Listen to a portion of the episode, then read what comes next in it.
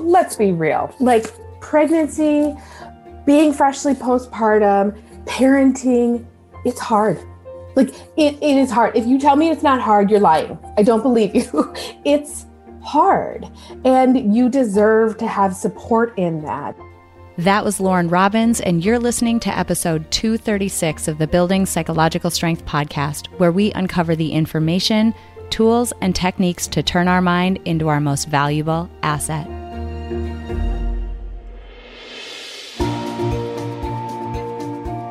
The courage to face fears with persistence. Being able to be present enough in this moment to choose my response thoughtfully.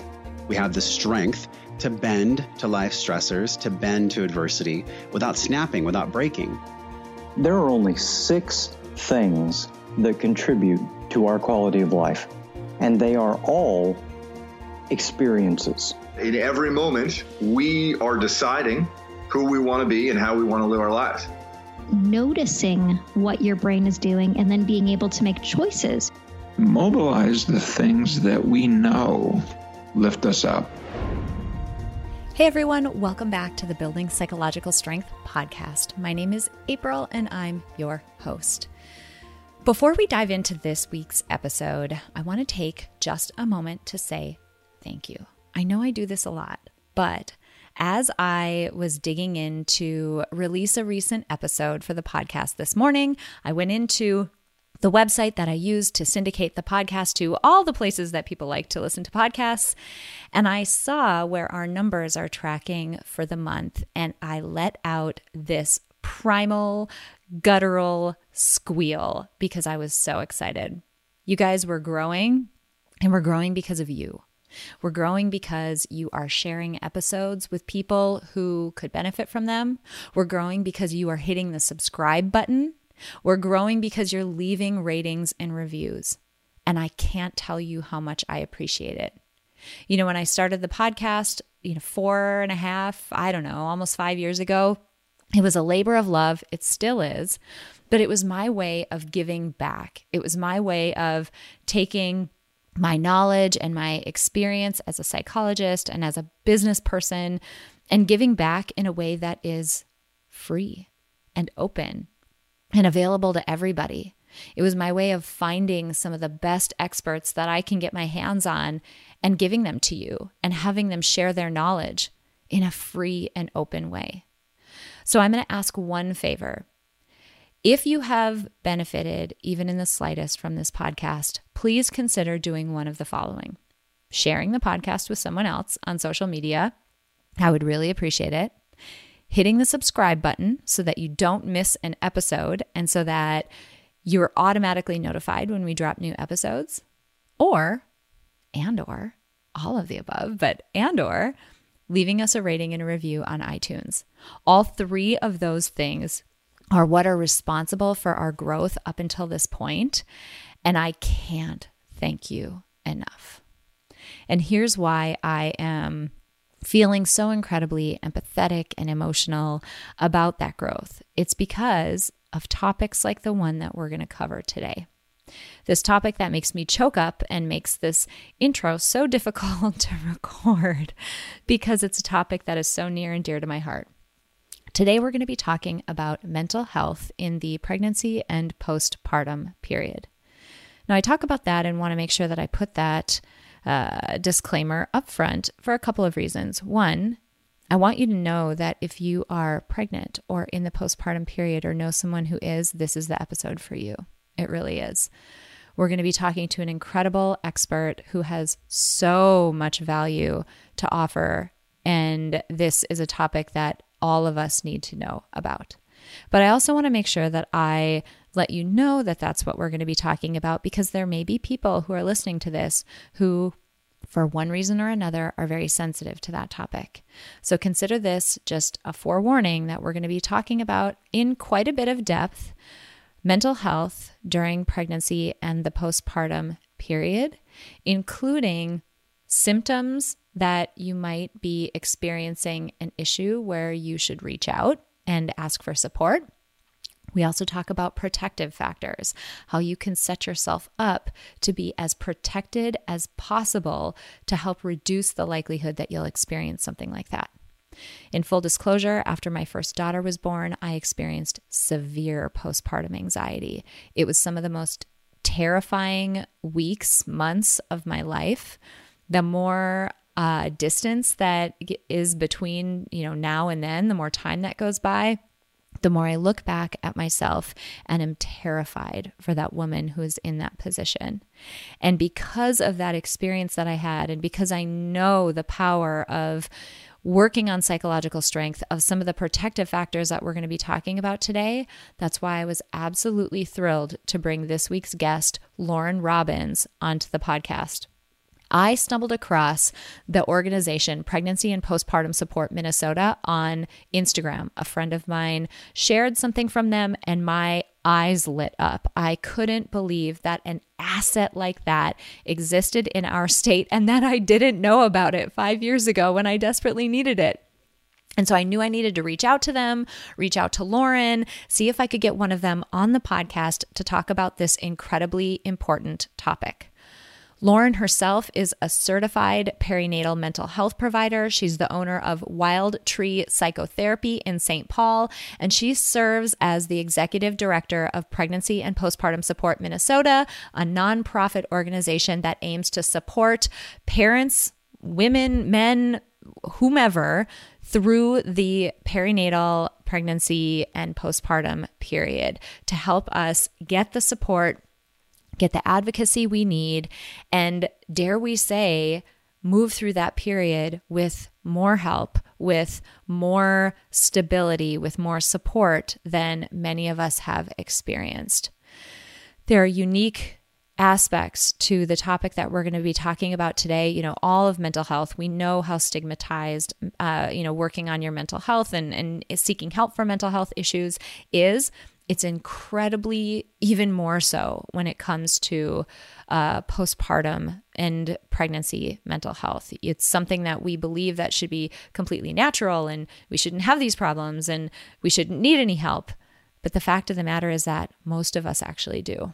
Most people need support and need help.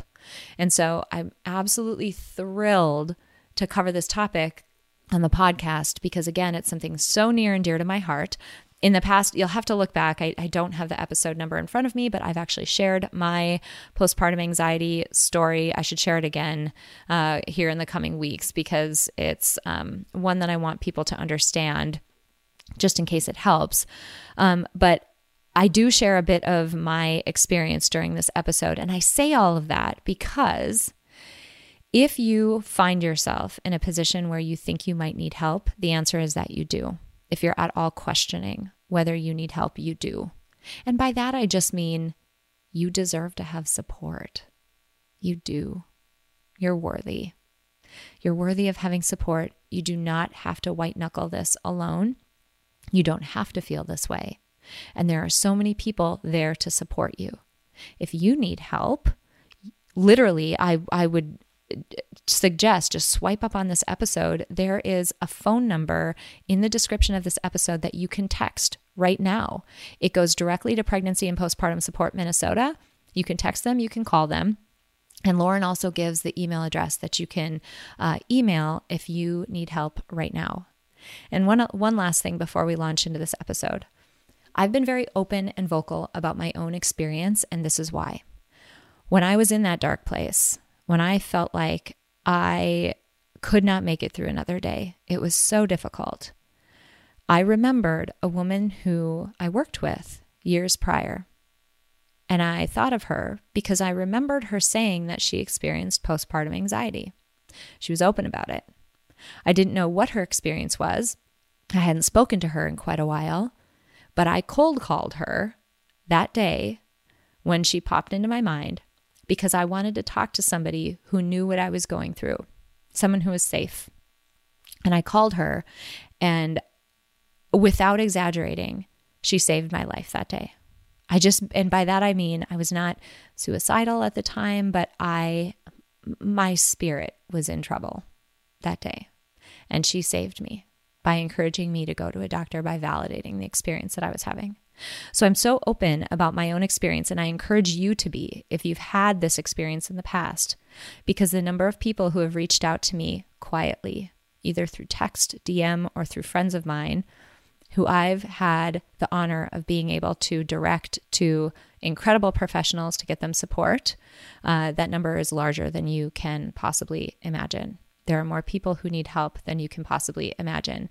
And think of what that could mean for the experience that you went through, for the meaning that comes from that experience, even though it was incredibly hard. I'm grateful to that experience because it's allowed me to be an advocate for somebody else, for a lot of other people. These issues are so common. Uh, and I'm absolutely thrilled to be lending an episode of this podcast to these important topics and talking with the incredible Lauren Robbins. I can't wait for you all to meet her. Please check out uh, the links in this episode description if you need help or if you know anyone else who might need support. And with that, let's hear that interview. Lauren, thank you so much for being here today. The stuff we're going to be talking about is so near and dear to my heart. I have been looking forward to this for so long, and I'm absolutely thrilled you're with us. Yeah, thank you for having me. So, this week's topic is uh it's a heavy one. And what's crazy is it's a heavy one and it's one that impacts so many women um, it's something that I myself went through. And because of that, you know it's it's just a topic that i want to make sure that i cover because it's as i mentioned one that so many people find themselves struggling with and that is postpartum depression and anxiety and we'll just call it related mental health challenges that come after having a baby um, you work for an organization in the in Minnesota in the Minneapolis area. I came across your work and this amazing organization via Instagram. Just people I know who are close to me were reposting and I'm like, I need to reach out to these guys because they're doing this incredible work to support women in such a um, an important and transformative but also a lot of times very challenging time in their life. So, can you tell us a little bit about your work, about your organization, about the women that you support? Yeah, absolutely. So, I myself am a mental health therapist by trade. And so that's kind of my day job. And then uh, I volunteer with Pregnancy and Postpartum Support Minnesota, or PPSM, as you'll hear me refer to us. We're a nonprofit organization in Minnesota. We're also the Minnesota chapter of uh, Postpartum Support International, which is a, a bigger organization across the globe that supports folks experiencing perinatal mood and anxiety disorders, or you'll hear me say PMADS. Um, and we use that term as kind of a broad brush. Um, encapsulating term rather than maybe historically we've heard postpartum depression, which most definitely does not encompass everything that uh, parents experience when they welcome a child into their life. So, PPSM, as I said, is a nonprofit organization that serves folks across the state of Minnesota, and we are the voice for perinatal mental health. Um, and we connect families and providers or, or practitioners with mental health resources. That's incredible. It's uh, first of all, before we go any further, thank you so much for your work, for the work of this incredible organization. As somebody who exp- has firsthand experience uh, with um, anxiety after having a baby, and we'll get into what that actually is because I think it's a very misunderstood experience, but as someone who went through that, I know how difficult that time is. And I wish I would have known about you mm-hmm. when I was experiencing it. Can you talk a little bit about the size and scope and nature of the problem that you're helping with? Because I think that it probably doesn't even need to be said that way more people than we even realize, way more women than we even realize, experience mood issues, anxiety issues, all the related things that you help with after having a baby, and we just don't know about it. Yeah, absolutely. So, statistics tell us that up to um, or about 20% of uh, birthing parents um, experience postpartum depression. So, that's about one in five.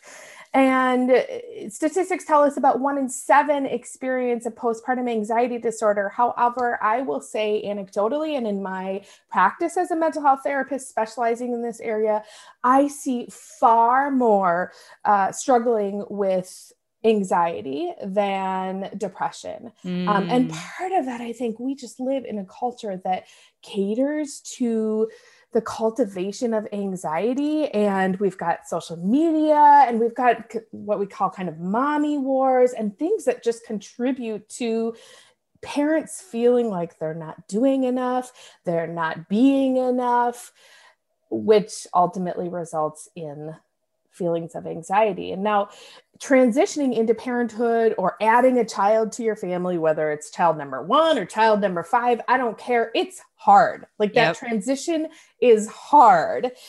And if you've got additional kind of risk factors where maybe you have a history of post or a history of anxiety or depression or um, there's been some medical complications or traumatic birth experience, all of those can contribute to and set you up to experiencing anxiety or depression or obsessive compulsive disorder or birth trauma or like PTSD, birth trauma, or even um, postpartum psychosis, which please do not be scared by that. That only occurs in about one to two in every thousand mm. birthing folks. Um, but of course, those are the ones that are sensationalized on the news. Um, now it does happen, and when it does happen, it's it's a medical emergency, and we want someone to be going to seek help in the emergency room. Um, but this is so common, but so untalked about, and part of our um, mission with PPSM is to spread awareness and advocacy. So, folks like yourself, that you start to learn about this resource when you need it, not after you need it. And we rely on parents in the community who've been through it to spread the word about the resource. We've even got dads, so we, we don't want to forget the, the non birthing partner. Um, about one in 10 non-birthing partners will end up with postpartum depression. Mm. Yep. That's amazing. I mean, it's the problem is so much more pervasive than we realize. And it's interesting because when I think back to my own experience, uh, a number of factors likely contributed to maybe not the start of it, but certainly how much it spiraled and how difficult it got. And one of those things was the way that we, in the current state, the way that we assess new parents to determine if they're doing okay. I, if you've had a child in the past and you've gone to your postpartum uh, appointments or even the well baby appointments that start happening within days of your baby being born, Mm-hmm. You know that they give you this same questionnaire and they ask you a set of questions, which kudos to the medical community for starting to do this at all, which is it's a great resource. But I found that in my situation, I could pass that questionnaire with flying colors. Mm-hmm. I looked like I was killing it if you only looked at my responses to that questionnaire. And yeah. in reality, when I think back, the further away I get from that time, the more afraid I get for that woman who was in that situation because I realize how dark it was and how difficult it was. Do you hear from other people a similar experience of it almost puts you in a situation where, like, well, I must be okay because the survey says I'm okay, but I super don't think I'm okay. Like something's right. not right here. Right. Well, and the nature of anxiety is to make you second guess. So you're like, yes. Am I okay? They're telling me I'm okay, but I don't know. I don't feel okay. You know, it's pretty common when you're struggling with a PMAD to um, feel these things like, I don't feel like myself. Something's off. Like I maybe can't put my finger on it. And of course, we have um, elements of sleeplessness that contribute mm. and exacerbate what's going on but yeah, so in general, the medical community is using the Edinburgh depression screening. And that's a great tool potentially to catch postpartum depression. But as we know, that's not the only thing that's showing up. And quite commonly, it is those elements of anxiety bordering into intrusive thought, obsessive and compulsive patterns. And the EPDS screen is not going to catch that. Yeah. I, I just had to take like as you were talking about that you said the word intrusive thought and i literally had to like take like a deep breath because mm-hmm. that was the hallmark of my experience mm-hmm. was this set of intrusive thoughts that truthfully i would not ever repeat on this podcast because they're so upsetting but it took me over a year to articulate what they were to my husband and when i said it out because it was so painful to think about. It was mm-hmm. so scary and so horrible. And I will never forget his face when I told him what they were, the nature of them, the content of what those thoughts were that were occurring dozens of times every day. I mean, it, I couldn't go minutes without having it happen. When I told him the horror on his face, and it sounds crazy, but it was almost healing to see that because I was like, yes, exactly. Right. Look at how upset you are. You should be upset. I should be upset.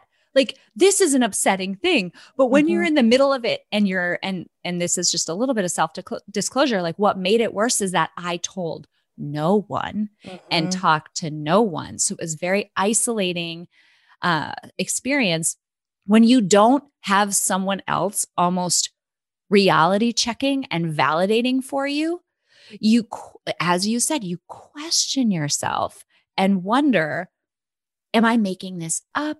Am I just not coping well? What is this? And it's not until I saw the horror on his face that I realized, oh, that was actually really hard. No wonder why I was having such a tough time. Like, wow, yeah. look how look how tough that was for him to hear it once. Imagine hearing it literally thousands of times over the last year. Mm-hmm. I mean, it's mm-hmm. just incredible. I mean, consider the shame that can come in when these thoughts bombard you and you're like, oh my oh my gosh, am I, is there something wrong with me? Why am I having these thoughts? And oftentimes the thoughts are around kind of the safety of baby. Yeah. can be thoughts even about like um, sexually touching baby. And your rational mind says, I would never do that. Why am I having these thoughts? Why are they coming into my brain? They're incredibly um, bothersome or what we call dystonic, which is like, that does not fit with what I want to be doing right now and really sort of off putting and can make you feel like, am I crazy that I'm having these thoughts? Mm-hmm. Um, and because of that element of shame, it certainly contributes to the secret keeping because then there's fear of, well, what happens if I tell somebody that I have this fear of, you know, dropping my baby down the stairs? Are they going to take my baby away from me? deep breathing again over here. Yeah. You're exactly right. Because mm-hmm. I remember thinking with these intrusive thoughts, and I want to get to some other symptoms, like intrusive thoughts being one, we'll say bullet point that we would put under the list. But to round this out, I remember thinking the part of the content of these intrusive thoughts is some undefined other, some person, mm-hmm. some other person other than me was going to do this very specific horrible thing to mm-hmm. my baby. In this case, it was my first child, was going to do this horrible thing. And I was afraid that if I told people, they would think that I was going to do that. And that if anything ever happened, right? Like when mm-hmm. babies start to crawl, they like bang their head on things and like crawl right into stuff. And, and it can literally happen with you sitting next to them. I was afraid that if the smallest thing happened to her everyone would think that I had done it intentionally because I had said that these mm-hmm. thoughts were happening. It is so twisted what your mind can do and convince you of. Um, so I, I just, like I said, I had to take deep breaths as we were talking about this yeah. because it's so still, you know, five, five and a half years, five years later, it's still very real. Mm-hmm. Can we go through some of those other bullet points? So we've talked about intrusive thoughts a little bit. Can you give us some of the, I mean, even say common and even some of the less common things that people might not realize. This is a signal that if I'm having something that smells of this, I should probably reach out to someone. Yeah, absolutely. So, when we're thinking about postpartum depression, for example, of course, we can experience some of those kind of classic depressive symptoms like feeling lo- low, down, fatigued, sad. Um, but you may more commonly see kind of just feeling really flat. A lot of times, it is this experience of like, I just don't feel like myself something's off.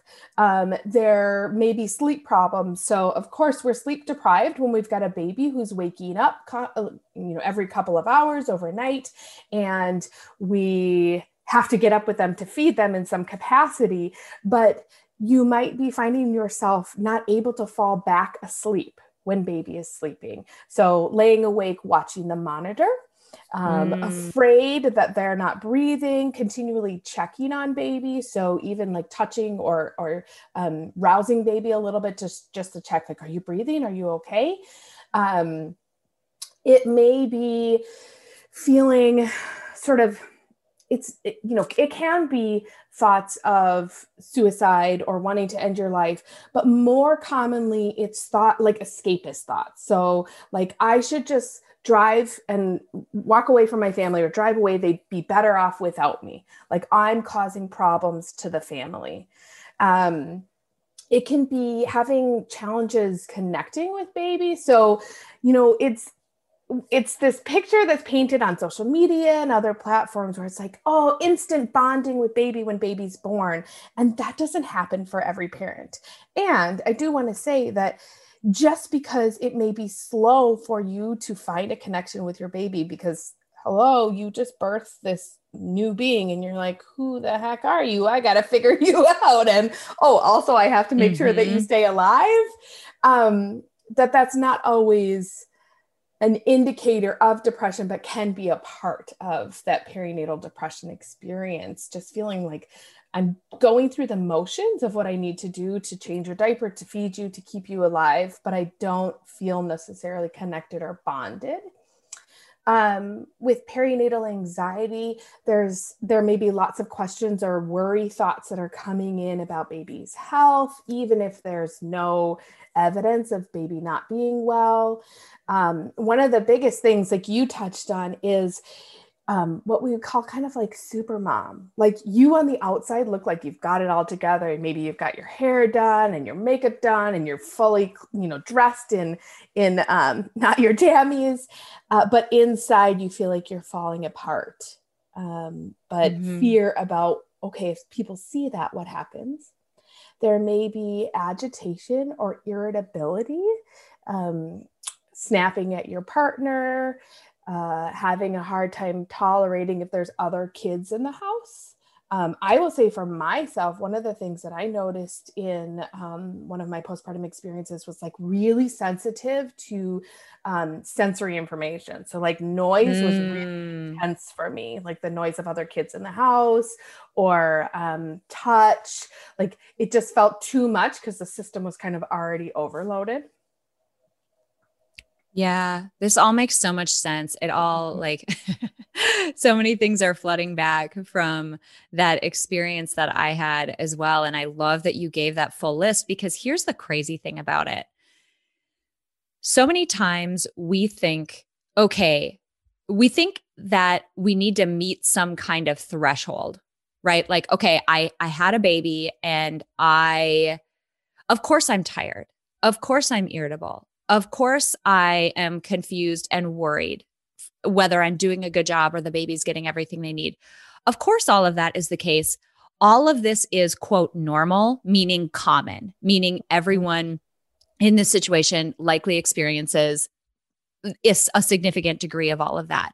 And we think that that means, oh, I shouldn't reach out. I shouldn't ask for support. I shouldn't tell people that I'm not okay, as though some level of suffering is just sort of suck it up suffering.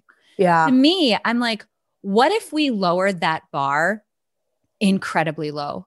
What if we just said, you know, if you are feeling any of the mood things that you're talking about, the irritability that you're talking about, the disconnection that you're talking about, the anxiety, like any of these things, thought patterns, disconnection, wanting to run away, like any of that, any sniff of that, what if you just reached out to somebody who knows this stuff, someone like you or an organization in your area?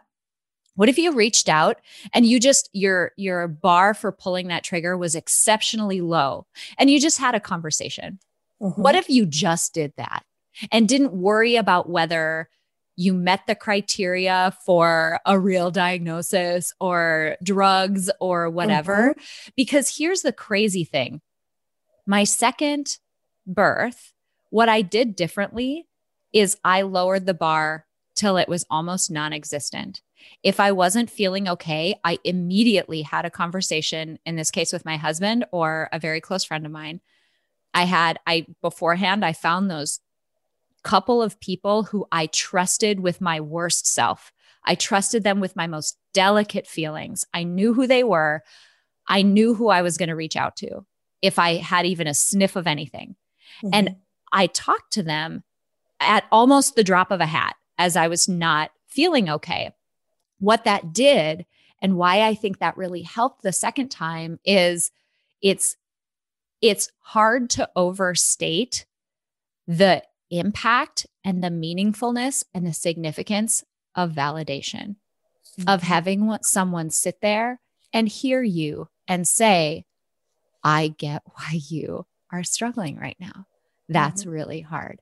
Even if it doesn't mean okay, cool, you've now met the criteria. You need to go to 12 weeks therapy and be on these pills and have all this like, you know, surround around you. And if you do, amazing, go do it because it was mm-hmm. super helpful when I needed that. But even if you reach out just to help nudge the ship back in the right direction, what's wrong with that? Like, what if mm-hmm. our bar was just really low? Mm-hmm.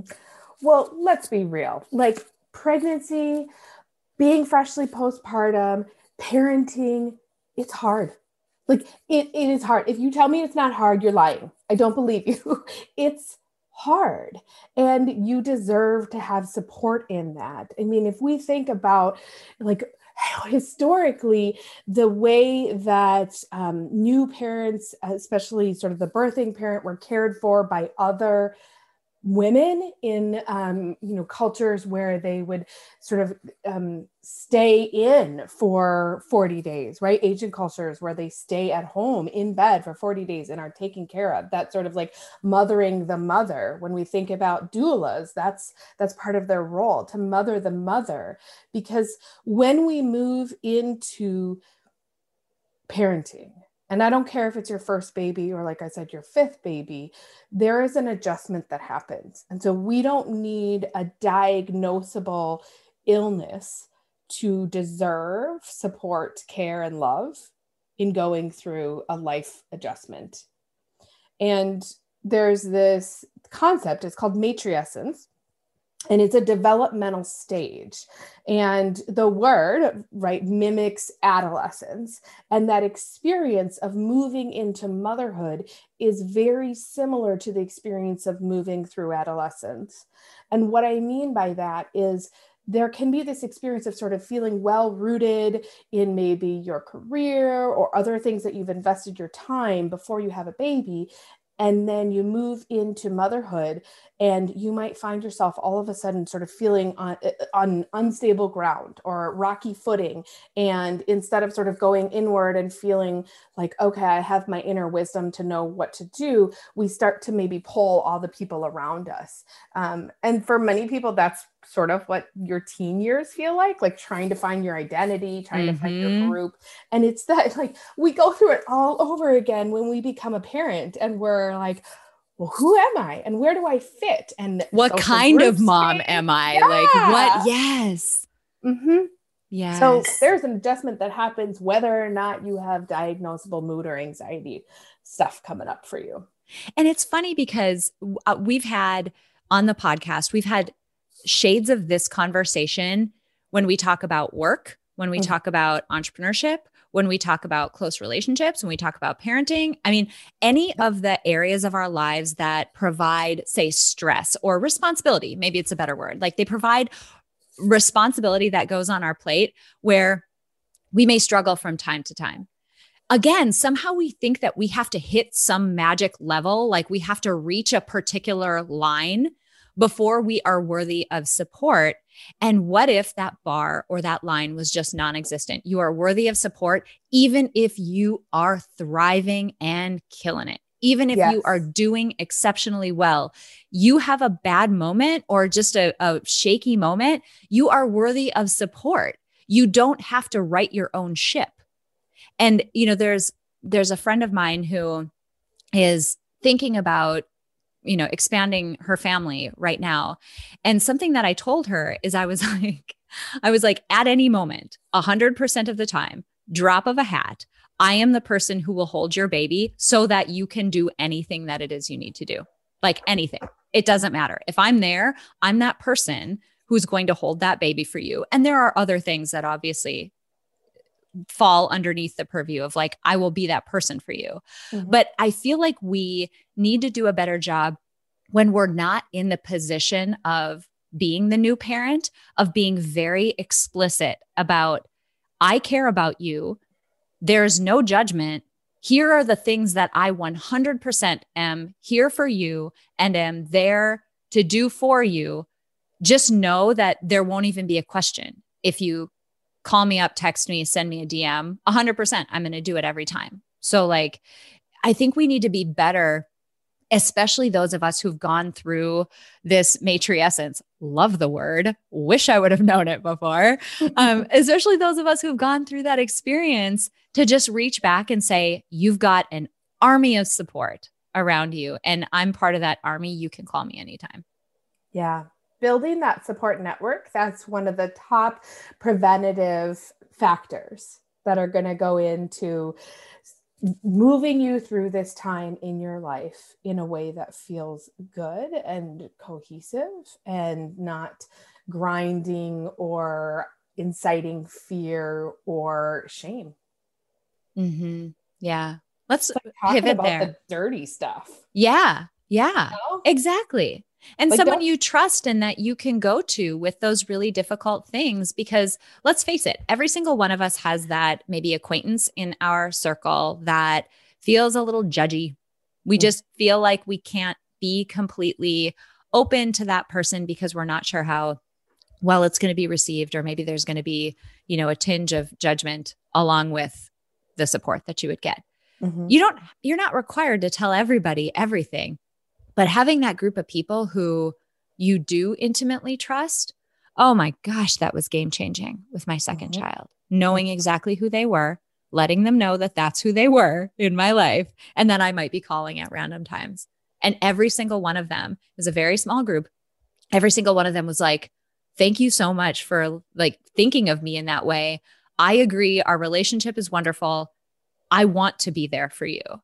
A hundred percent of them felt that way. Yeah. And how smart of you to set that up. And of course, when we become a new parent, we don't always know to set that up, but hopefully, folks listening can spread the word and help um, new parents know okay, like I tell my clients, if you have you know close people count them on one hand. You don't need a whole gaggle of people a couple of close people.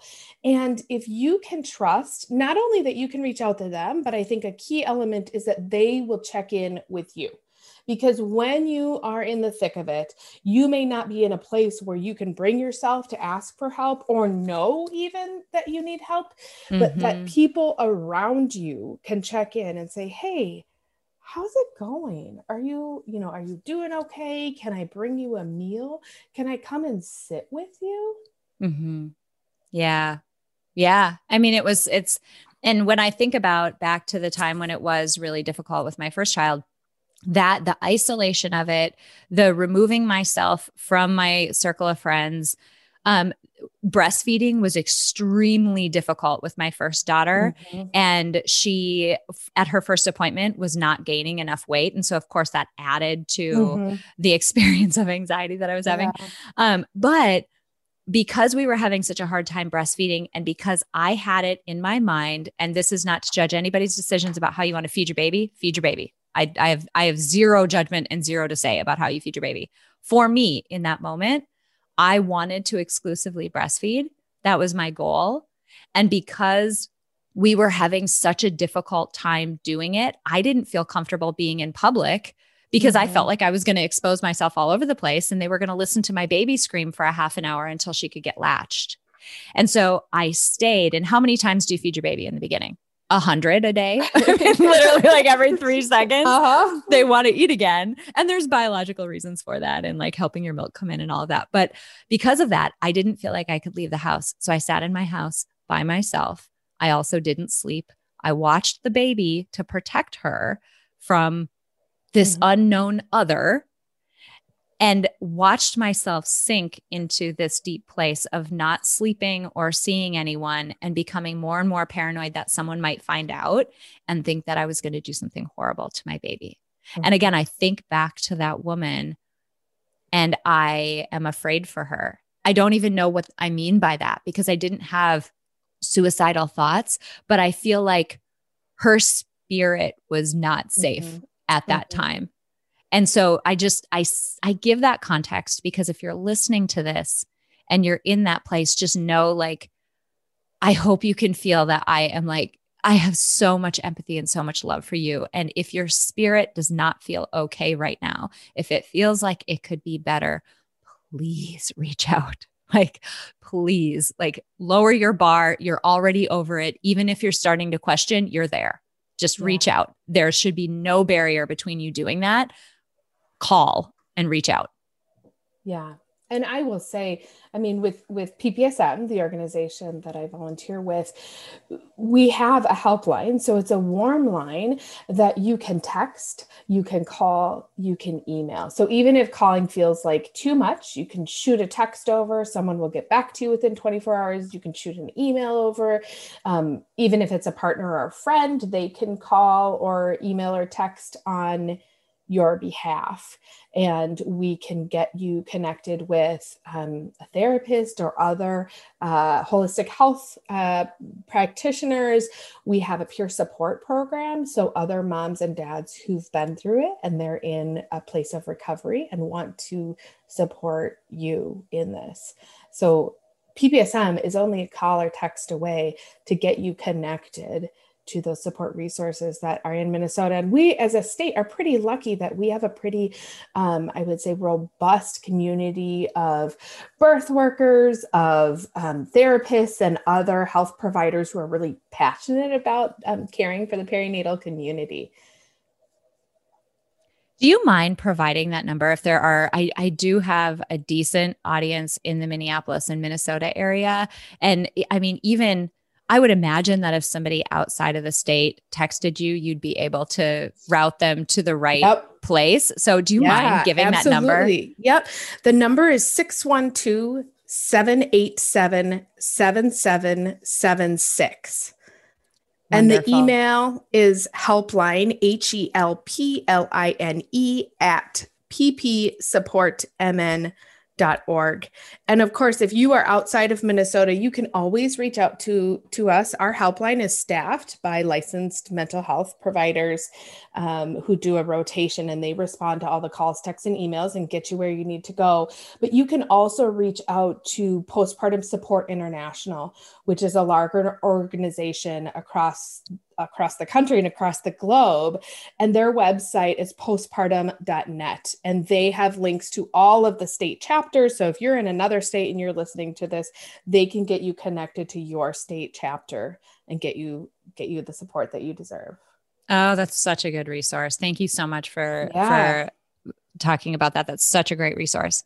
You mentioned a bit ago, and I want to make sure that we we get this other li- bulleted list of things uh, into this episode because there may be people listening to this who are like, oh gosh, I'm pregnant now, or I'm thinking about having a baby. This is a lot. Like, what can I do? You know, you mentioned protective factors like having that small group of people who knows, you know, they know that they are your people. They know you're asking them to reach out and check on you. They know that you might be calling them. So, a social support network around you. What are other things that people can do in terms of protective factors if they're moving into this stage and want to set themselves up to have as much support and care around them as possible.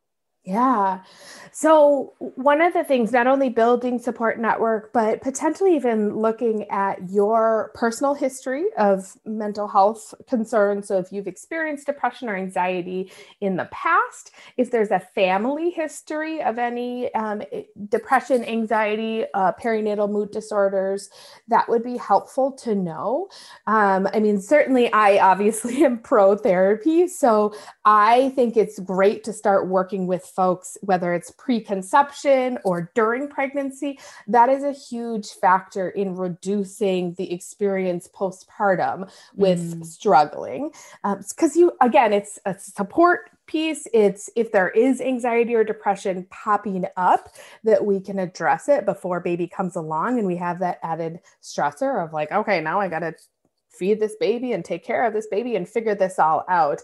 And I do think that there are medical care providers who are doing a good job of screening during pregnancy and catching some of that. At our clinic, we we see a fair number of pregnant folks who are coming in because that's that's been caught early, which is fantastic because it sets them up to have um, a positive birthing experience. We know that a protective factor uh, for reducing the experience of a traumatic birth is being in therapy and working through whether it's a past birth trauma, past um, trauma in general, childhood trauma, childhood abuse, moving through that um, before baby comes along.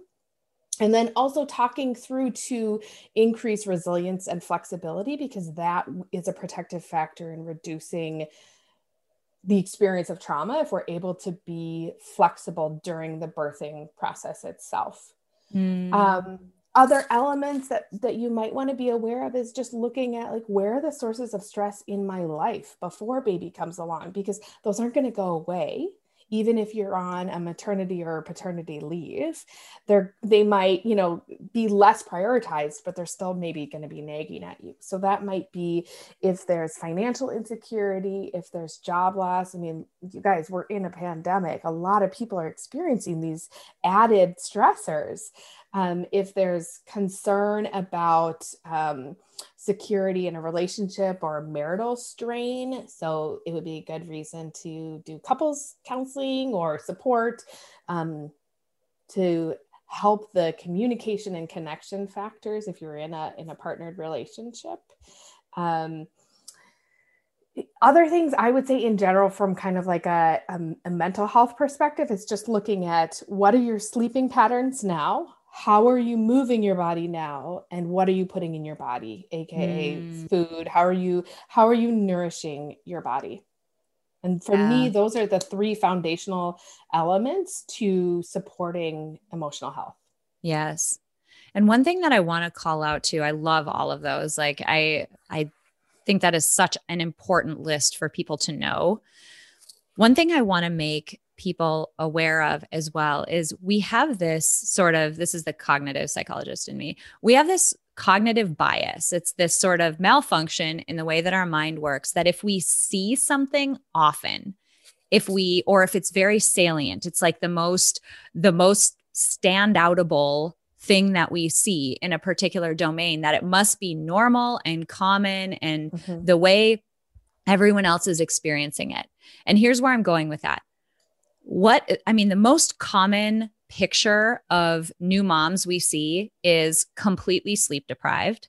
We see the new mom who, I mean, there's all those commercials where the mom looks like an octopus, right? She's like juggling mm-hmm. a thousand different things and, and trying to parent at the same time. We see uh, women who are or parents i mean really who are projecting as you mentioned that perfect connection with their child. Look mm-hmm. at how beautiful and instagram worthy this is. We see all of these things and we think that that is the experience that's normal. And so if you look at these just take the sleep depri- deprivation piece for just a second. Have you ever been in, in, a, in an emotional situation and then you throw sleep deprivation on top of it that's doing no like nobody any good. You mm-hmm. can't emotionally regulate as well if you're exhausted. But when we see this image of, you know, people who have just had a baby being utterly exhausted and we think, oh, that's normal. That's just how it is. We're less likely to ask for help. We're less likely to give that baby to someone else to hold, even if it means you go comatose for 20 minutes. That's all you get is 20 minutes. That is 20 minutes that you didn't have before. Don't look at those sort of stereotype common themes of parenting and assume that that's just the way it needs to be. In the life design space that we do in, in Peak Mind, we say, you know, you're walking up to a brick wall. It looks like it's firm, it looks like it's a rule, but poke at it a little bit because sometimes it wobbles. That whole, oh, you just have to be sleep deprived because that's the name of the game. Poke mm-hmm. at that a little bit and see if it wobbles. Can you you know, feed your baby, hand it over, and then sleep for just even a little bit of time? Can you do that a number of times a day? What are the things that you can put in place to move against that stereotype that we all see to just kind of check your cognitive bias that oh this is just the way that it has to be and we don't even question whether whether there might be another way. And that was something that i know i fell prey to when i was in that experience. I just assumed that the terrible way that i was starting to feel in the beginning before it got to the bad place was just what i had to do because that's what everybody does. So just mm-hmm. know that you can poke at this and test and even go down a different path if that's not what's working for you. Yeah. And here's where that that saying of like fill your cup 1st mm-hmm. comes into play that moms and and dads, parents, however you identify, you deserve to be taken care of. Yes. And you deserve to take care of yourself. And it's important for you to put yourself first. And I think that can be a hard pill to swallow when we've been socialized or we have family that really advocates for like babies first, put everything into babies, self sacrifice. The problem is that if you're never paying attention to your needs, if you never feed yourself, so to speak, you have nothing to give to that baby. Mm. And that baby, like, yes, they do need everything from you. They have no ability to self regulate, they have no ability to communicate to you other than crying, they have no ability to feed themselves. But like, your battery has to be recharged. And so, please, I'm giving you permission to do that, to make yourself a priority, to put yourself first and not yeah. only will that serve your baby because then you will have something to give to your children and to your partner and to your, you know, job if you're going back to work or to your friends or family, but that that will as your children age and you continue to practice this, it will teach your children that they deserve to take care of themselves too. Yeah. That they don't have to sacrifice, they can take care of them first. Yes, there's uh, we have a program in Peak Mind called Self Care by Design, and mm-hmm. one of the exercises that we do in there because we know that people have a hard time with this.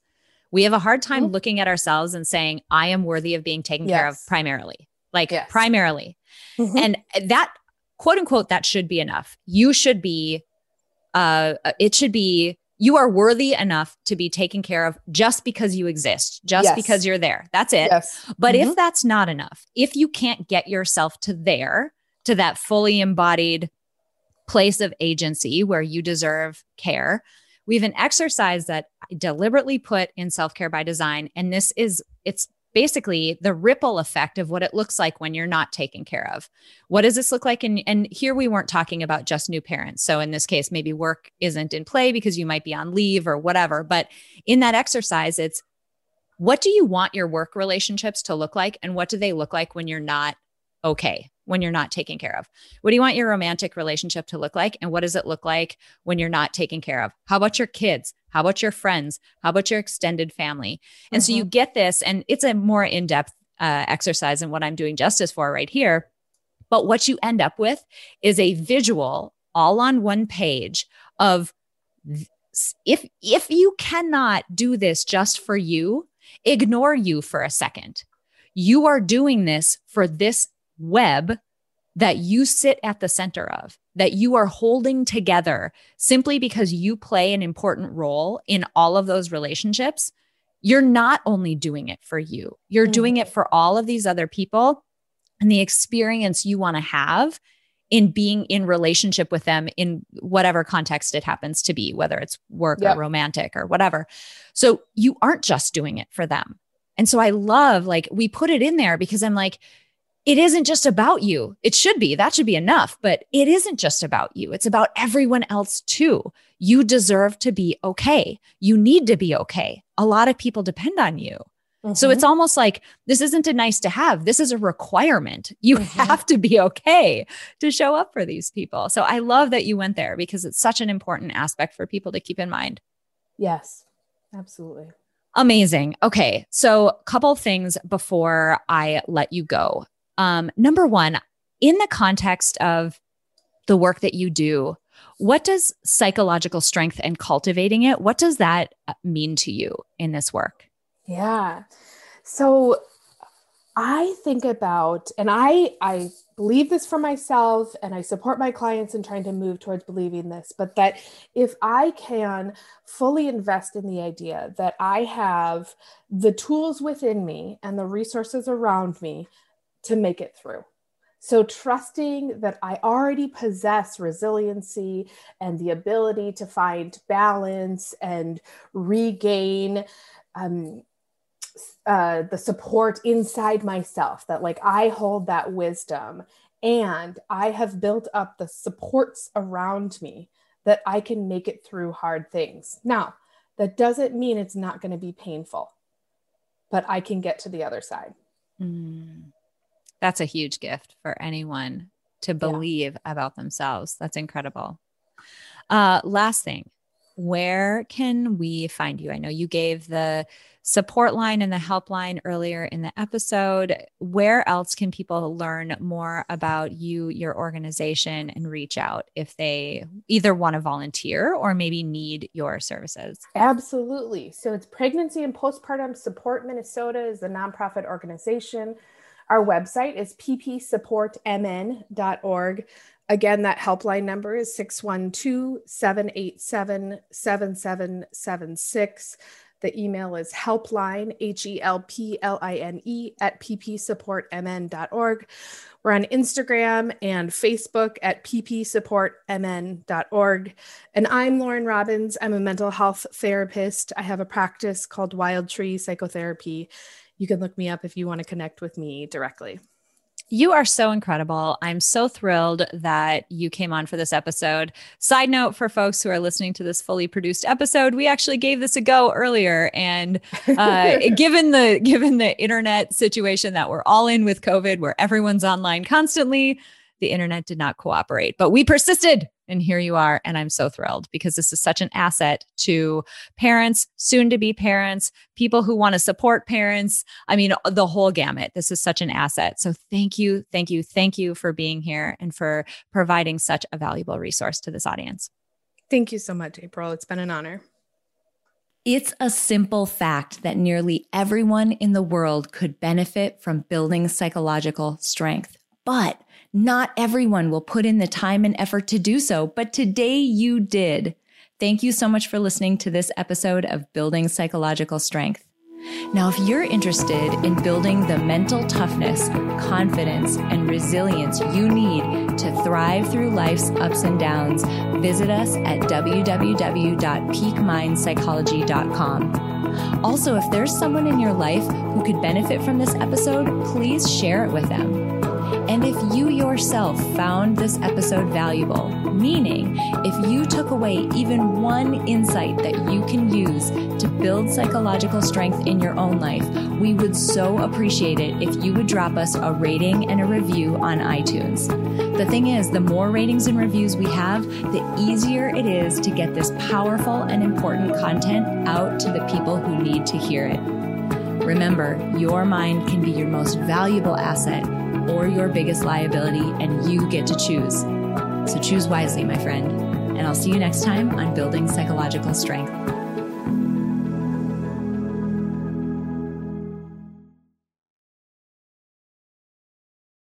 At Parker, our purpose is simple. We want to make the world a better place by working more efficiently, by using more sustainable practices, by developing better technologies. We keep moving forward With each new idea, innovation, and partnership, we're one step closer to fulfilling our purpose every single day. To find out more, visit parker.com/purpose. Parker, engineering your success. As humans, we're naturally driven by the search for better. But when it comes to hiring, the best way to search for a candidate isn't to search at all. Don't search, match with Indeed. When I was looking to hire someone, it was so slow and overwhelming. I wish I had used Indeed. If you need to hire, you need Indeed. Indeed is your matching and hiring platform with over 350 million global monthly visitors, according to Indeed data, and a matching engine that helps you find quality candidates fast. Ditch the busy work. Use Indeed for scheduling, screening, and messaging so you can connect with candidates faster. And Indeed doesn't just help you hire faster. 93% of employers agree Indeed delivers the highest quality matches compared to other job sites, according to a recent Indeed survey. And listeners of this show will get a $75 sponsored job credit to get your jobs more visibility at Indeed.com slash podcast. That's Indeed.com slash podcast. Terms and conditions apply.